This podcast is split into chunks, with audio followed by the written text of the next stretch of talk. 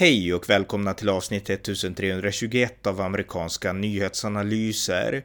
En konservativ podcast med mig, Ronny Berggren, som kan stödjas på swishnummer 070-30 28 95 0. I detta avsnitt följer en intervju med Rebecca Weidmo Uvell, borgerlig debattör som kandiderat till riksdagen för Moderaterna och som tidigare i år lanserade podcastserien Radio Kamrat, där hon går igenom kommunismens historia i syfte att allmänbilda om 1900-talets största totalitära ideologi. Välkomna till ett viktigt samtal om en epok av världshistorien som vi inte får låta falla i glömska. Rebecka Weidmo välkommen! Tack så mycket. Eh, du kör ju en otroligt intressant poddserie som jag har följt från första början som heter Radio Kamrat och det är en poddserie som handlar om kommunismens historia och i, i dagsläget idag så är det alltså början av maj och eh, eh jag vet inte hur många poddavsnitt har du gjort hittills i den här serien? Eh, jag släppte det elfte fullängdsavsnittet, det vanliga avsnittet, men jag har också hunnit med två stycken extra avsnitt som jag det är ett koncept jag kom på lite spontant när eh, Vänsterpartiets kommunism kom upp på bordet när Stefan Löfven sa att han aldrig upplevt Vänsterpartiet som icke-demokratiska. Och då ehm, gjorde jag ett 15 minuters avsnitt. Så det konceptet har jag, att när det händer någonting så släpper jag ett spontant extra avsnitt på det, eh, som bara är en kvart. Så, med, så med, de, med de två är det då 13. Just det, just det. Och tanken är alltså att du ska släppa ett avsnitt om kommunismen varje vecka ända fram till valet nästa år. Och det innebär alltså 60 plus någonting, alltså poddavsnitt. 81. Okej. Okay. Eftersom jag började 24 februari. Så det 81 avsnittet ska sändas valveckan. Just det. Är det mm. tanken. Mm. Det är vissa som ifrågasätter om jag kommer ha material till det, men de är i vänster, de som gör det. Eh, så de, och de har ingen riktig koll. Eh, jag har mycket mer material än 81 avsnitt, så kan jag säga. Just det, mycket spännande. Men vi ska gräva oss lite djupare på det här och jag tänkte börja med att fråga. Alltså, du heter alltså Rebecca Weidmo och du är borgerlig debattör och eh, du kandiderar också till riksdagen och det ska vi komma in på slutet här. Men kan du berätta lite om dig själv, din bakgrund och eh, ja, din politiska, din, din politiska resa så att säga?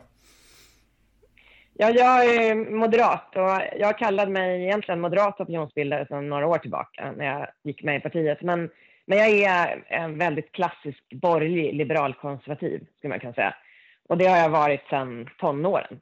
Eh, så att hela min karriär som opinionsbildare som egentligen inleddes 2012 redan när jag var mammaledig med våra tvillingar och på ett bananskal lite grann fick en egen kolumn på Aftonbladet Debatt som jag skrev varannan vecka i ett och ett halvt år. Eh, och sen startade jag då igång kan man väl säga Eh, som egen eh, frilansande opinionsbildare i februari 2014. Och i september 2014 så startade jag min blogg eh, som idag har ja, men runt 100 000 unika besökare per månad. Och ibland, du vet ju själv hur det är som jobbar med opinion, att ibland är det 70, ibland är det mer. Det fluktuerar ju väldigt mycket beroende på vad man har för innehåll. Liksom. Mm. Men runt där Eh, jag har haft 150 000 också. Men det är, det är liksom ett skum. Men så att, eh, ja, sen har jag jobbat med det här eh, heltid i, ja, sedan 2014. Och nu tänkte jag 2022 byta karriär. Ja, just det, och satsa på politiken. Precis, men jag menar, jag har ju läst din blogg eh, till och från, inte varje dag eller sådär, men du gör ju väldigt mycket grävande reportage och det tycker jag är jätteintressant. Du har skrivit om klimatet och du har skrivit om många olika saker. Just den här grävande journalistiken innan vi går in på huvudämnet som är kommunismen, men tycker du att den saknas i Sverige? Ja, alltså jag har ju aldrig kallat mig journalist och är jättenoga med att jag, min blogg är inte media och jag är inte journalist. Utan sen är det andra som tillskriver mig det. Eh, men just för att jag vill vara fri eh, och eh, det är inte journalistik egentligen. Däremot så använder jag den grävande journalistens verktyg för att bilda opinion. Jag tycker inte heller att andra opinionsskribenter är någonting annat än opinionsskribenter om man ska vara helt ärlig. Jag tycker journalistik är någonting annat. Liksom. Eh, så fler borde kallas opinionsbildare kan jag tycka. Men eh, när jag började med det direkt på bloggen i september 2014 att gräva runt för att jag är kroniskt nyfiken och vill eh, lära mig nya saker och vill gärna ha sista ordet. Och så gillar jag inte heller att ha fel. Så det var, jag skulle nog säga att det var de personliga egenskaperna som, som blev det arbetssättet som sen har visat sig vara väldigt framgångsrikt och som väldigt många inom opinionsjournalistiken har eh, numera använder. Att man går till källan och man snarare, man kan väl säga så här, jag är ju marknadsförare i grunden. Man kan säga att jag paketerar min opinionsbildning i nyheter som jag hittar själv, om man ska förenkla det. Mm. Och då har det blivit, och då använder jag den här grävande teknikerna. Men jag låter inte andra sidan komma till tals, och, utan jag skriver ju vinklade artiklar såklart, eftersom jag har ett mål med min text. Eh, det är inte ett berättande i sig. Nej, jag förstår. Men just det här med att gräva i ämnen, det är ändå liksom, det tycker jag karaktäriserar mycket av det du skriver. Tycker du att det saknas, om vi bortser från journalist, liksom beteckningen då? Alltså att det, att det ja. gräv, grävs för lite i Sverige? Nej, men framför allt tycker jag det ifrågasätts för lite. Om journalister till exempel hade, hade för, som, som eh, riktiga nyhetsjournalister, de hade för vana att inte bara eh, ta folk på orden utan kolla källan och läsa rapporterna själv till exempel. Då skulle vi ha också bättre medier idag. Så att absolut, jag tycker att det ifrågasättande saknas och källor, ursprungskällor och sådär. Och då får du ett grävande. Mm. Så att jag, men jag tror att det finns en, en rätt stor marknad egentligen för den här sortens eh, texter. Eh, så att det finns ju antingen för frilansare men också hos riktig media. För jag tror att det finns ett sug hos mediekonsumenter att läsa just djuplodande saker som går liksom lite grann till botten med grejer. Ja, verkligen. Och om vi går in då på den här serien som du har då, om kommunismen så är ju den verkligen djuplodande och eh, gå till botten med kommunismen, det är väl lite det som är din uppgift. Men innan vi går in på podden, alltså hur fick du det här eh, som ändå verkar vara stora intresset för just kommunismen? Nej, så här är det ju att, att eh, inte gilla kommunism är någon slags grundinstinkt hos många borgerliga och inte minst i mitt eget parti Moderaterna. Eh, så att det har liksom inte behövt frammanas. Det är någonting man har känt hela livet. Att det, allting jag tror på, det är motsatsen är kommunism. Eh, det är liksom antitesen, om man ska säga. Mm. Så att det, det är ju livslångt intresse kan man inte säga, utan aversion mot kommunism. Men man, men man ska säga så här att jag, jag är ju ensamföretagare och jag fick den här Nej, men jag hade en podd som heter Borgarbracke som jag startade redan december 2014 och det är jättetidigt för en politisk pratpodd. Idag finns det otroligt många just politiska pratpoddar, men då fanns ingen. Det var jag och Jenny Sonesson som pratade på aktuella saker ur ett borgerligt perspektiv. Jag la ner den för några år sedan för jag höll på att skriva massa böcker. Och det har grott i mig ett tag att jag skulle starta en ny podd, men det lyfte liksom inte att starta igång den gamla. Och sen fick jag bara en idé i februari att, nej men vänta, jag ska, jag ska prata om kommunism jag ska göra det själv. Eh, och jag bollade idén med min man eh, på torsdagen. På måndagen skrev jag manus, på tisdag spelade in, på onsdag släppte jag avsnittet. Så att så fort gick det att fixa intromusik och konceptet och eh, så. Sen har jag ju hjälp av att jag har poddat förut, så det var en uppstartssticka, men jag, har, jag hade liksom all utrustning och, och sådär. Ja. Eh, och kunskapen långs, långstans där bak i huvudet. Ja, men jag tänker just idén, alltså den måste ha fötts någonstans. Alltså du sa att aversion mot mm. kommunism, det är liksom en instinkt om man är moderat. Alltså Moderaterna har ju väldigt kända profiler som har liksom pratat om kommunism historiskt och så. Men jag menar, kände du någonstans att, för jag menar, jag är född 1979, jag minns när Berlinmuren föll, men jag kan inte säga att kommunismen påverkade min uppväxt så mycket. Jag menar, hotet i Europa var försvunnet när jag var tonår, tonåring och så här. Så att jag har väl börjat känna på senare år att oj, nu finns det en hel generation som växer upp som inte kan något om den här äh, totalitära militära ideologin som svepte över hela världen. Låg det lite till grund för dig också? Att du tänkte kanske att vi måste påminna oss om det här? Okej. Okay.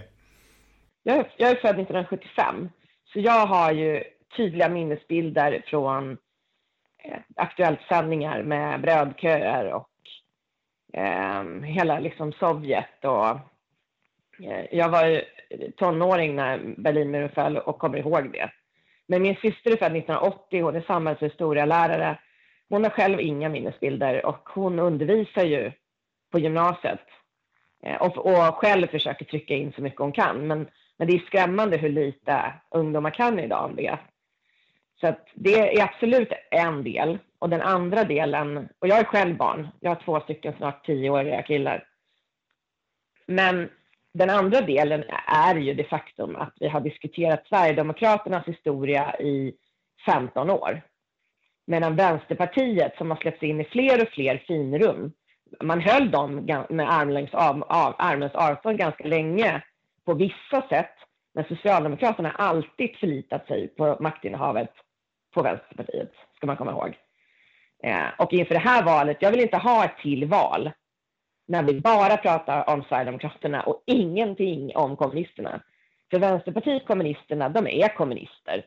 Att man, att man bara kallar sig socialist, det, det, det spelar ingen roll. Liksom, innehållet i deras politik, det är kommunism. De har fortfarande kvar att de inte utesluter väpnad revolution till exempel.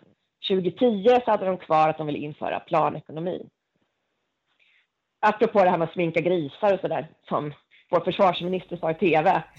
Eh, så det, det är målet med podden, det är att sätta upp på dagordningen inför valet 2022 att Vänsterpartiets historia är smutsig och de är inte salongsfähiga fortsatt Mm. Men alltså om vi, om, vi liksom, om vi nu utgår från att det finns lyssnare som inte vet vad kommunism är utan kanske tänker att det är en god idé. Kan du berätta grunden? Vad är, vad är kommunismen? Alltså om du berättar om Marx och liksom grunden, vad är kommunism? Alltså det här är inte en idéhistorisk podd av en anledning. Och det är för att jag inte tänker marknadsföra deras idéer. Det får de göra själva. Utan jag pratar om konsekvenserna av kommunism. Och det finns ju väldigt mycket material till det. Så jag har medvetet inte ett enda avsnitt om ideologin, vilket retar gallfeber på alla övertygade kommunister för att de tycker att det vore rättvist eller så.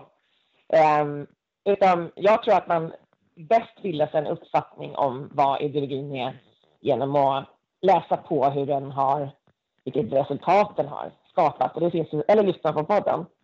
Eh, men man kan väl så här hårddra det genom att jämlikhet, frihet, broderskap var ju franska revolutionen och sen kom Marx och allting bygger på Marx och sen ryska revolutionen eh, historiskt. Det, det, är nästan ingen kommunistisk despot som inte har inspirerats av och haft kontakter med eh, Sovjet på olika sätt.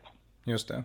Så ryska revolutionen är så att säga startpunkten för allt elände som kommunismen har bidragit till under 1900-talet.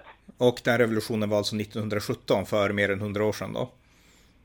Ja, och kommunismen är ett 1900-talsproblem. Den uppstod i början av 1900-talet och den fanns alltså egentligen inte innan. Eh, och då uppstod de första, den första kommunistiska staten helt enkelt, som var Sovjetunionen. Eh, mm. Och där spred sig sen det över, om man ska ha någon liksom, tidslinje så här. Mm. Men, men alltså om man gör det här väldigt enkelt då, som vi bara säger att det som kanske många också inte vet, att kommunismen är den stora folkmordsideologin i vår tid. Sovjetunionen, de är kända för Gulaglägren där människor varit inspärrade och dödade i princip koncentrationsläger. För jag menar, idag kan alla väldigt mycket om nazismen och nazismen var fruktansvärd och ska aldrig förringas och den ska belysas. Men den är också genombelyst. Vi vet att nazisterna var onda, vi vet att människor mördades, men jag tror att människor vet inte samma sak, i alla fall inte i samma utsträckning om kommunismen. Alltså Stalin mördade mördade om det var 40 miljoner, Mao i Kina mördade om det var 60 miljoner, alltså en totalitär folkmordsideologi. Skulle man kunna sammanfatta det så väldigt enkelt för de som inte kan så mycket? Ja, så är det. Men, men man kan väl säga att mördandet är eh, medel för makten snarare. Och eh, det handlar om proletariatets diktatur, det vill säga eh, hårddrar det så pratar man då om, om folket och revolution och att det är en elit som då ska representera folkets vilja. Eh, och de är ju alltid de som själva utser sig. Eh, och då är de som driver revolution i olika länder. Kommunister har nästan alltid tagit makten i statskupper och gerillakrig. Eh, och när de väl har tagit makten så har de avskaffat all kvarvarande del av demokrati. Man ska ha också klart för sig att det här är en del av världens historia där det fanns väldigt lite demokrati från början. Eh, det var, kan ha varit fascister på, på eh, militär, eh, efter militärkupper på plats till exempel, eller eh, någon despot i form av en kejsare eller kung. Så läget har inte varit optimalt eh, då, när många av de här revolutionerna har varit. Men det har, funnits, har ofta funnits någon slags demokrati och frihet i grunden som kommunisterna alltid direkt av. Det är det första de gör. De avskaffar det, de bygger upp en säkerhetspolis och en stor militär styrka och börjar hitta på olika sätt för att förtrycka befolkningen, alla oliktänkande helt enkelt. Eh, om man ska sammanfatta det. Aha. Ja, men det var en bra sammanfattning. Sen kollektiviserar man, ja, sen kollektivis, att kollektivisera egendomar, privat, privat äganderätt finns inte heller, utan man, man tar helt enkelt alla företag och all mark kan man säga och gör det statligt, så ingen får äga någonting. Mm. Och den här individuella friheten försvinner helt också, alltså religionsfrihet och yttrandefrihet ja. och sådana saker. Kommunister hatar ju religion, så att uh, den försvinner direkt, absolut. Mm. Men ja, eh, i din serie då så går du igenom många olika exempel då på olika länder och Sovjetunionen det är ändå det, ja, det, är ju det, det alla känner till, Sovjetunionen och kanske lite om Kina. Men du tar också upp de här små, lite mer specifika exemplen som man kanske inte kan lika mycket om. Och ett avsnitt som jag tyckte var jätteintressant, det var Albanien. Eh, när man tänker på Albanien, i alla fall jag, så har jag inte tänkt på kommunism. Men Albanien har haft en väldigt lång kommunistisk historia och eh, man pratar oftast om att Europa, alltså i Europa så var det i, liksom i Tyskland och i Tysklands ockuperade länder som vi hade våra sista koncentrationsläger. Men du förklarar väldigt tydligt att i Albanien fanns det ju, ja, arbetsläger om inte annat som i princip var lik, likvärdiga med koncentrationsläger. Och det är också en sån här grej som, alltså, som det inte berättas om så mycket i, liksom, i svensk rapportering eller historia. Jag ser det. Eh, och eftersom jag har planerat så många avsnitt för att man ska förstå eh, kontexten för allting annat som har hänt så har jag börjat med de stora kända exemplen. Det är därför jag har gått igenom Pol Pot och Mao, Lenin och Stalin, DDR, Kuba, eh, för att lägga en fond för allting ska ses i ljuset mot det. Mm. Eh, jag kommer ha otroligt många små länder som ingen hade någon aning om var, var eller är kommunistiska i, i fram, framöver. Så nu har jag snart gått igenom de allra största. Jag har Tito och Ceausescu och sådär som är lite mindre kända men ändå kända kvar på den här eh, topp 10-listan av mest kända kommunister. Eh, men sen på min långa lista så finns det ju otroligt mycket annat än länder också. Det är terrorgrupper och det är sekter och det är spioner och det är barnprogram och musik och det finns otroligt mycket att hämta. Ja, men jag tänkte, vi går igenom en sak till också. Alltså, Che Guevara, det är en sån här person som många i Sverige, speciellt när jag växte upp, då var det många som tyckte att det här var en häftig, intressant person och han var kommunist och han var liksom, han var inte Stalin och han var inte liksom Mao eller Lenin, utan det här var en relativt ung, eh, i alla fall så var han ung, när, när han var verksam, eh, person som, som liksom gjorde upp mot förtrycket och han har blivit liksom nästan en, en symbol för frihet och för rebelliskhet på ett positivt sätt i liksom den postmoderna västvärlden kan man säga. Du har ett avsnitt om honom där du förklarar att eh, det är helt fel att romantisera Che Guevara. Kan du, kan du förklara det lite kort här bara? Nej, men jag valde att ha ett helt avsnitt av Che Guevara och ett helt avsnitt om Fidel för att eh, just för att han är kommunist-Jesus. Mm. Han finns på otroligt mycket merch, vilket är väldigt ironiskt eftersom han hatade det kommersiella och materialism och han är ju en kapitalistisk framgångssaga. Eh, men det var ju också för att han var någon slags martyr och dog när han var i sena 30 år, eh, helt ensam. Eh, och nej, men han, eh, han är ju en person, eller var en person som eh, gillade att mörda folk. Eh, vi kallar det mass seriemördare idag. Det skulle man nog kategorisera honom idag. Han tyckte inte ens att det var roligt att förvalta revolutionen i Havanna, utan han han drog vidare för att hitta liksom blod någon annanstans. Så att han drog till Afrika och sen till Bol Bolivia.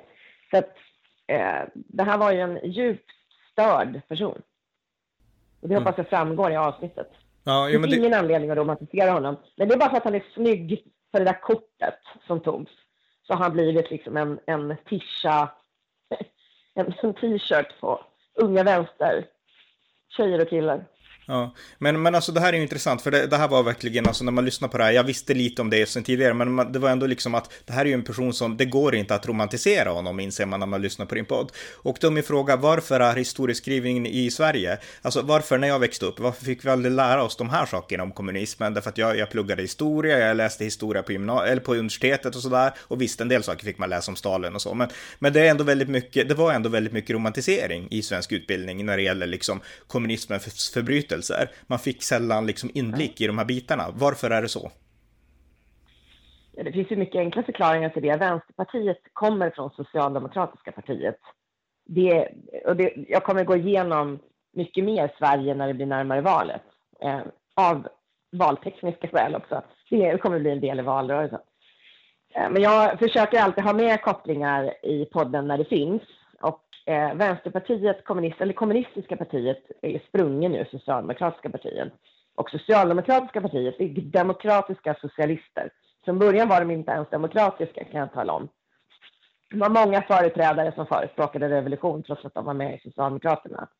Eh, så det är Socialdemokraternas historia och Socialdemokraterna har, har medvetet eh, gömt undan kommunisternas förtryck i historieböcker i, i, i decennier, alltid. För att det gynnar dem. Det gynnar inte dem att man tar upp de nära kopplingarna och vad de har delat och eh, att Socialdemokraterna har eh, gullat med en massa diktatorer. DDR har ett helt avsnitt om hur, hur nära DDR och kommunisterna i DDR var Sverige och svenska skolsystemet till exempel. Så det, det finns en mycket logisk förklaring till varför vi, vi, för jag säger vi, inte har fått lära oss någonting om det, utan det ses som någonting som inte är eh, något dåligt egentligen. När jag var tio år, 1985, då var det inga konstigheter att skicka ut mig på Operation Dagsverke för att samla in pengar till Nicaragua, som då styrdes av kommunistiska eh, sandinisterna. Det, det kändes rimligt liksom. Mm. Eh, men, men alltså... Ja, ja så där är vi. Ja, men alltså, jag förstår förklaringen det, och det är intressant och det är liksom så intressant att du belyser det. Men alltså Socialdemokraternas historia det är oftast att eh, vi var de som drog linjen mot proletariatets diktatur. Sen har vi de här revolutionära vänsterpartisterna som vi går hundra år tillbaka och vi, vi vill hålla liksom, ja, vi vill värna demokratin. Och rent inrikespolitiskt så tycker väl åtminstone jag inte att det finns någon jättestor anledning att liksom motsäga det kanske. Men däremot så vad det belyser väldigt tydligt är ju att eh, Socialdemokraterna, även om de stod för demokrati i Sverige, så hade de ingenting emot alls att odla band med kommunistiska regimer ute i världen, DDR inte minst då, men även andra regimer. Så att just den här paradoxalheten, den är ju, den är intressant tycker jag. Ja, och jag har som sagt sparat uh, en massa godbitar. Mm. Så att, uh, men nu innan, det finns ju en anledning varför, varför vi har haft så mycket goda relationer. Det beror på Socialdemokraternas intresse och eh, eftersom de var välvilligt inställda till så många kommunistiska diktaturer så har ju vi varit till exempel ett spioncentrum. Eh, vi har haft många spioner från olika eh, kommunistiska diktaturer i Sverige eh, och vi blev så att säga spioncentrum under kalla kriget där spioner träffades och när Berlin försvann som det. Så att det, det finns en, en mycket logisk förklaring till det helt enkelt. Det är den här mjuka linjen emot förtryck i andra länder. Mm. Eh, så att jag kommer berätta mer om det ganska snart i ett avsnitt just om, om spioner i Sverige. Eh, det kommer bli intressant. Ja, men, men en annan sak som också är intressant, jag menar som du tar upp det och som inte jag visste, det är till exempel att Lenin, ingen mindre än Lenin själv, han, han besökte Sverige innan revolutionen och han liksom hade etablerade band med företrädande socialdemokrater i Sverige. Alltså det här är saker som, alltså ingen vet det idag egentligen och socialdemokraterna pratar inte så mycket om det. Men det här för oss ändå in lite grann på liksom samtidsdebatten och debatten inför nästa riksdagsval. För det är så här eh, som du var inne på i början, att eh, det finns en stor vilja hos socialdemokraterna nu att prata om Sverigedemokraterna och att prata om högerextremism. Samtidigt så har vi Vänsterpartiet som har en aktiv kommunistisk historia. Och personligen ska jag säga att jag tycker ändå att Vänsterpartiet har gått i rätt riktning. Man kan diskutera varför det har skett, men det har ändå sett, skett att man har blivit mer reformistiska och mindre revolutionära och sådär. Men det finns ändå där i historien. Och eh, vi hade Stefan Löfven nu på en intervju i DN tror jag att det var, som sa att eh, han hade inte sett att VPK, alltså Vänsterpartiets tidigare, under tidigare namn då på 60-70-talet tror jag, eh, han hade inte sett att där fanns några liksom antidemokratiska tendenser, ungefär något sånt. Eh, hur, hur historielöst enligt dig är ett sånt uttalande? Nej, men jag hade ett helt extra program om historielöst det. Mm. Alltså innan järnridån föll så hade Vänsterpartiet kommunisterna Eh, nej, men de skickade inbjudningskort till världens vidrigaste förtryckare och de fick komma på, till deras kongresser. Och de åkte till, eh, nej men de har varit, eh, hade en bra relation med, med Nordkorea och med DDR och med massa förtryckare. Så att de ha, hade ju inga som helst problem med det. Utan, eh, nej men det är ju, eh, Stefan Löfven vet ju mycket väl det här det här, det här är ju bara ett spel för gallerierna. För han vill inte heller erkänna att Socialdemokraterna har stött alla egentligen maktinnehav eh, som de alla regeringar som de har haft som inte har varit egen majoritet. Det vill säga, de har fått 50 procent i några enstaka val historiskt i Sverige och då har de stött, så att säga, regerat med eget majestät. Men i alla andra fall så har de bildat minoritetsregering, som det ändå heter när man har under 50 procent. Och då har de ju stött sitt maktinnehav på Vänsterpartiet, kommunisterna, ända fram till järnridån föll.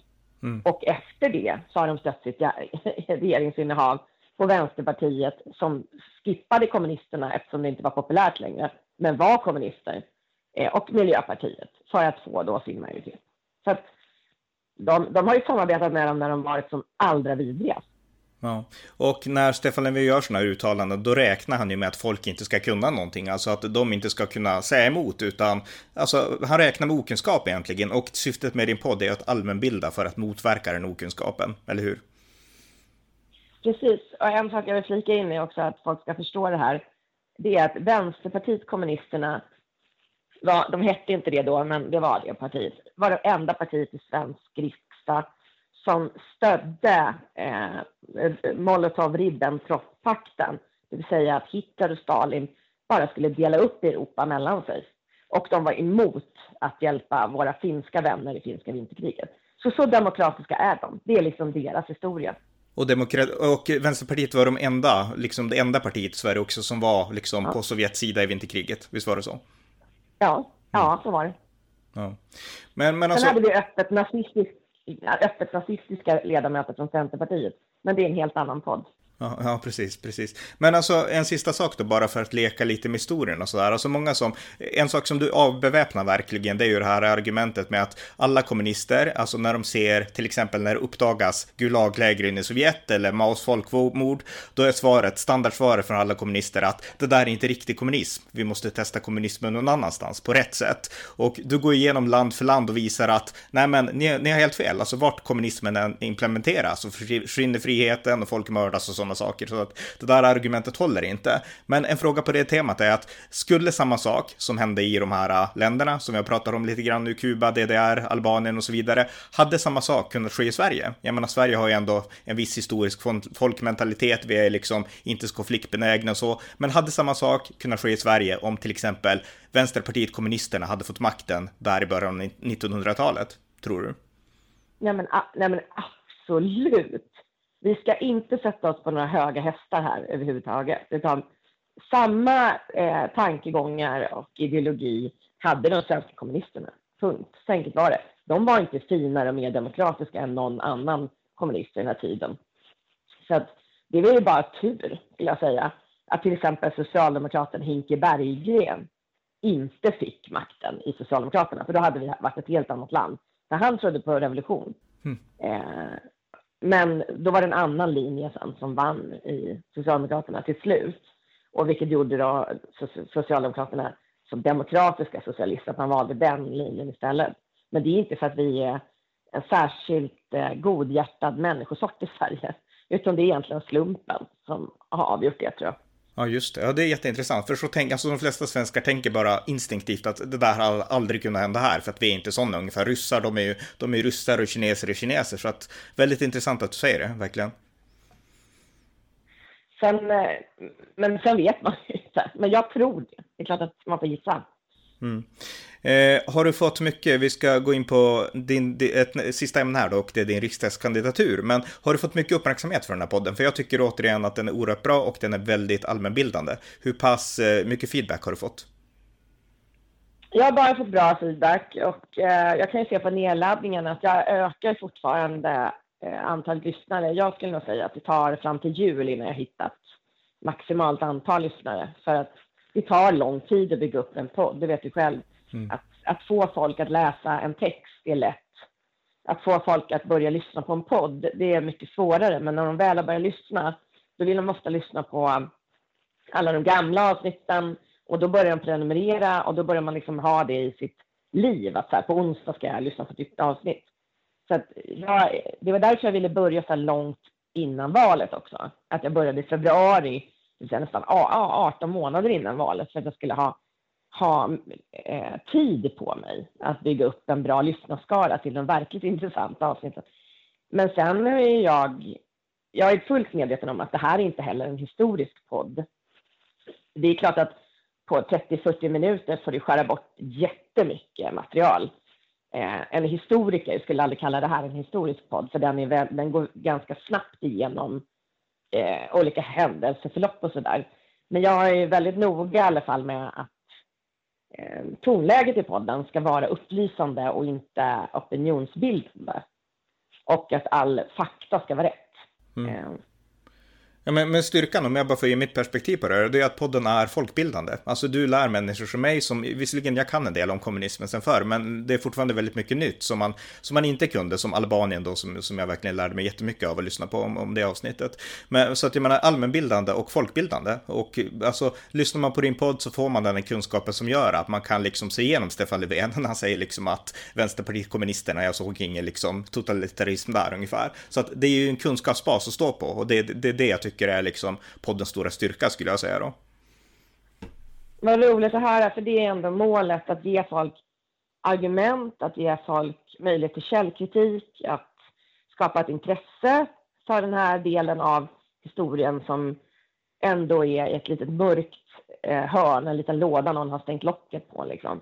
Eh, jag vill lyfta upp det. Eh, så att, eh, det, det, den har verkligen en folkbildningsambition, även om det också är en en del i mitt opinionsbildande arbete såklart. Eh, så vill jag att man ska kunna lyssna på podden och som sagt lära sig någonting nytt varje avsnitt. Jag lär mig ju jättemycket såklart.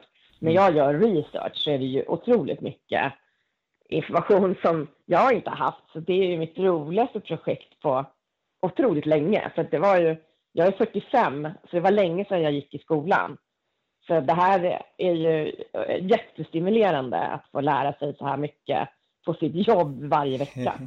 Ja. ja, det kan jag tänka mig. Och framförallt det viktigaste med den här podden, det är ju på något sätt att, att informera alltså kommande generationer om det här. För de har, inte, de har inte alls växt upp i det här. Vi minns ju som barn lite grann då, ögonblicksmonument från kommunismen. Men de som växer upp nu, de kommer inte att veta något av egen erfarenhet om kommunismen. Och vet man ingenting så är det lätt att förföras och kanske tro, att det här låter som en bra idé, vi har ekonomiska orättvisor och titta här finns svaret. Och det är inte så. Och just därför så är det viktigt att etsa in det här i nästa generation lite grann. Så att eh, jag tycker att det är väldigt bra. Men om vi kommer in på liksom lite grann då, du kandiderar nu till riksdagen för Moderaterna. Eh, kan du berätta bara lite kort, allmänt, det du vill berätta om det? Jo, nej men, jag har jobbat eh, sju år i år, så det blir åtta år vid valet 2022 med opinionsbildning och byggt upp en stor egen plattform, helt på egen maskin. Eh, och jag har samlat på mig en ganska lång lista på saker som jag skulle vilja förändra och där man förändrar saker på riktigt, det är riksdagen. Eh, och kommer jag in så kommer jag sitta där tills jag har kryssat av ett antal punkter på den här listan. Det får ta liksom flera mandatperioder, men vissa saker ska jag tänker inte ge mig på. Liksom. Så att jag, jag känner väldigt starkt att för att åstadkomma den liksom, riktiga förändringen så behöver jag eh, flytta plattform. Det betyder inte att jag inte har tänkt att fortsätta blogga det betyder inte att jag har tänkt att sluta med att skriva eller podda, utan det betyder bara att jag flyttar den verksamheten in i riksdagshuset och att jag på allvar kan få påverka. Får vi dessutom en, en moderatledd regering 2022, vilket är naturligtvis mitt mål. Då ökar ju möjligheten enormt. För får man deras gehör, gehör för de förändringarna som jag skulle vilja göra så, så har man ju då majoritet för det och kan genomföra dem. Mm. Då har man majoritet i riksdagen. Så att um, det är ju det, det, är det enkla skälet. Och sen är det ju det finaste uppdrag man kan få. Uh, och jag skulle vara otroligt stolt om jag uh, lyckas med det faktiskt. Mm. Man skriver liksom ja. Men, men, men okej, men, men dina, alltså, vilka, vilka är dina profilfrågor? Alltså vilka frågor vill du driva om du blir liksom invald i riksdagen? Jag har ju jobbat 20 år i näringslivet och inte gjort någon karriär inom ett ungdomsförbund utan har väldigt solid erfarenhet av näringslivet, varav över 10 år som egenföretagare. Så för det första så vill jag ju bli en stark röst för företagandet i Sverige, för fri företagsamhet, för marknadsliberalism. Eh, sen har jag en massa frågor som jag har drivit på bloggen och de som, har, de som läser mig känner igen dem. Det är till exempel eh, jakten på slöseri med skattemedel. Och där hittar du ju massa olika aspekter på det. Till exempel hål i välfärdssystemet som bygger på samordningsnummersystemet och på ett orimligt sätt att hantera välfärdsförmåner. Men det är också sånt som eh, små, mindre summor är, är väldigt, väldigt stor antal blir väldigt mycket pengar. Det blir miljarder per år. Eh, och det finns en, en massa eh, föreningar till exempel som vi har bara byggt ut det systemet via MUCF. Jag skulle gärna lägga ner MUCF. Sen har du då, jag vill reformera hela studieförbundssystemet. Idag får du fortfarande bidrag för studiecirklar och det systemet byggdes upp när information var någonting dyrt och svårt att få tag i. Idag är all information gratis. Det finns ingen anledning att betala en spänn till studiecirklar när man kan stötta folk genom gratis material på internet. Mm. Så det finns en massa, jag, jag, kan sitta här och prata en timme om alla frågor jag vill driva. okay. men, men i grund och botten så handlar det om eh, den typen av frågor som jag, som jag redan idag jobbar med. Mm. Eh, en sista sak Äganderättsfrågor också, äganderättsfrågor är också jätteviktigt för mig. Äganderätten till skog och lantbruk och sin tomt och sina företag och Mm.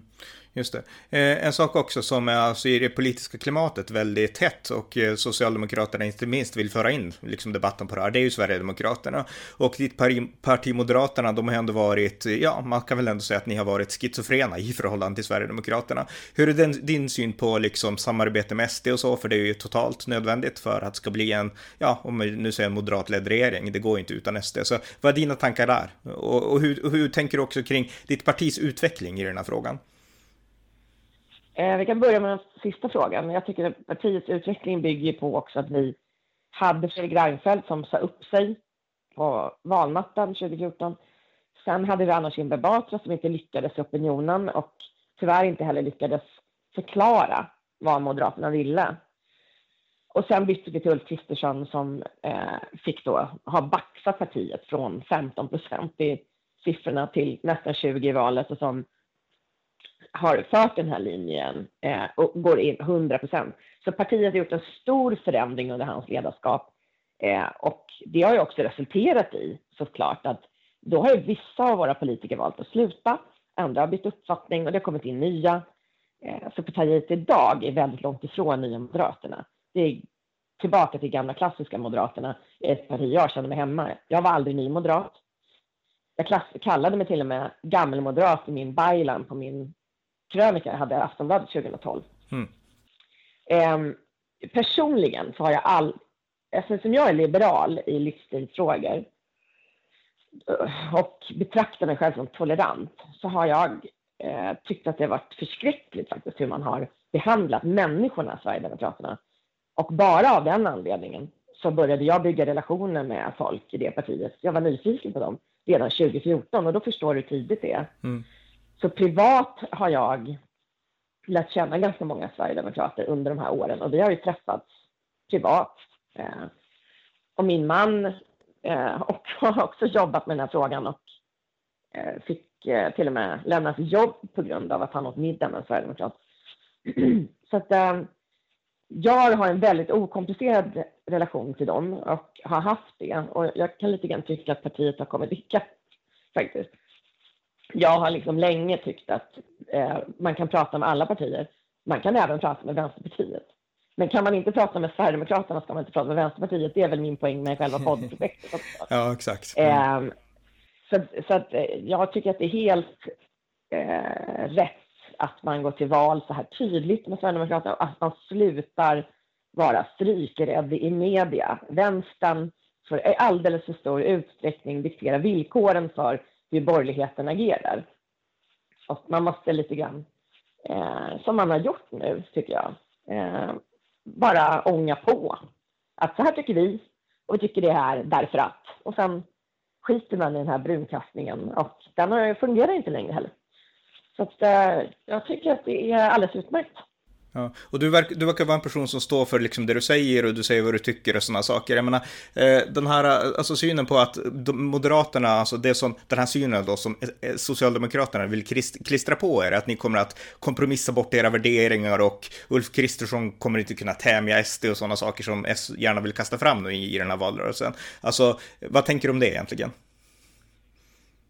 Nej, men jag tycker att Stefan Löfven och Vänstern borde få samma fråga i sådana fall varför de inte har ändrat uppfattning i det här med planekonomi och revolution med tanke på hur mycket de tid de har spenderat med Vänsterpartiet. Mm. Det är en absurd, det säger sig självt hur absurt påståendet är. Utan man har de värderingar man har eh, grundläggande och de påverkas inte av vilka man pratar med, vilka man umgås med, vilka man samarbetar med och så vidare. Utan, och rent privat så vill ju väldigt många människor hävda att de kan äta middag människor som tycker helt annorlunda än själva, eller hur? Mm eh, alltså rent privat, att man kan liksom, jag kan prata med alla. Mm.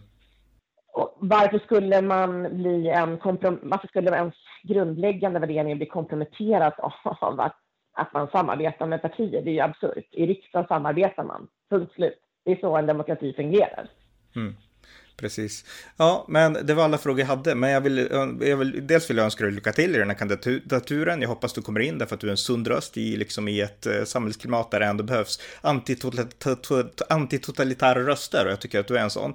Eh, och sen tänkte jag också fråga, alltså, radiokamrat, om man vill lyssna på den, var hittar man den och hur gör man och så?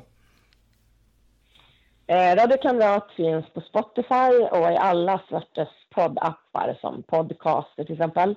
Man kan lyssna direkt från iTunes också och vill man inte lyssna via appar då kan man streama direkt från, från min eh, eh webbsida på podbean.com. Så söker man efter radiokamrat så hittar man podden där. Då kan man streama direkt ner eh, från den hemsidan. Just det. Ja, eh, Rebecka Weidman tack så mycket för den här intervjun. Ja, men tack ska du ha. Det var avsnitt 1321 av amerikanska nyhetsanalyser, en podcast som finns för att ge det konservativa perspektiv på världen som svensk media inte ger. Stöd gärna på swishnummer 070-30 28 95 0 eller via hemsidan på Paypal, Patreon eller bankkonto. Det var allt för idag. Tack för att ni har lyssnat.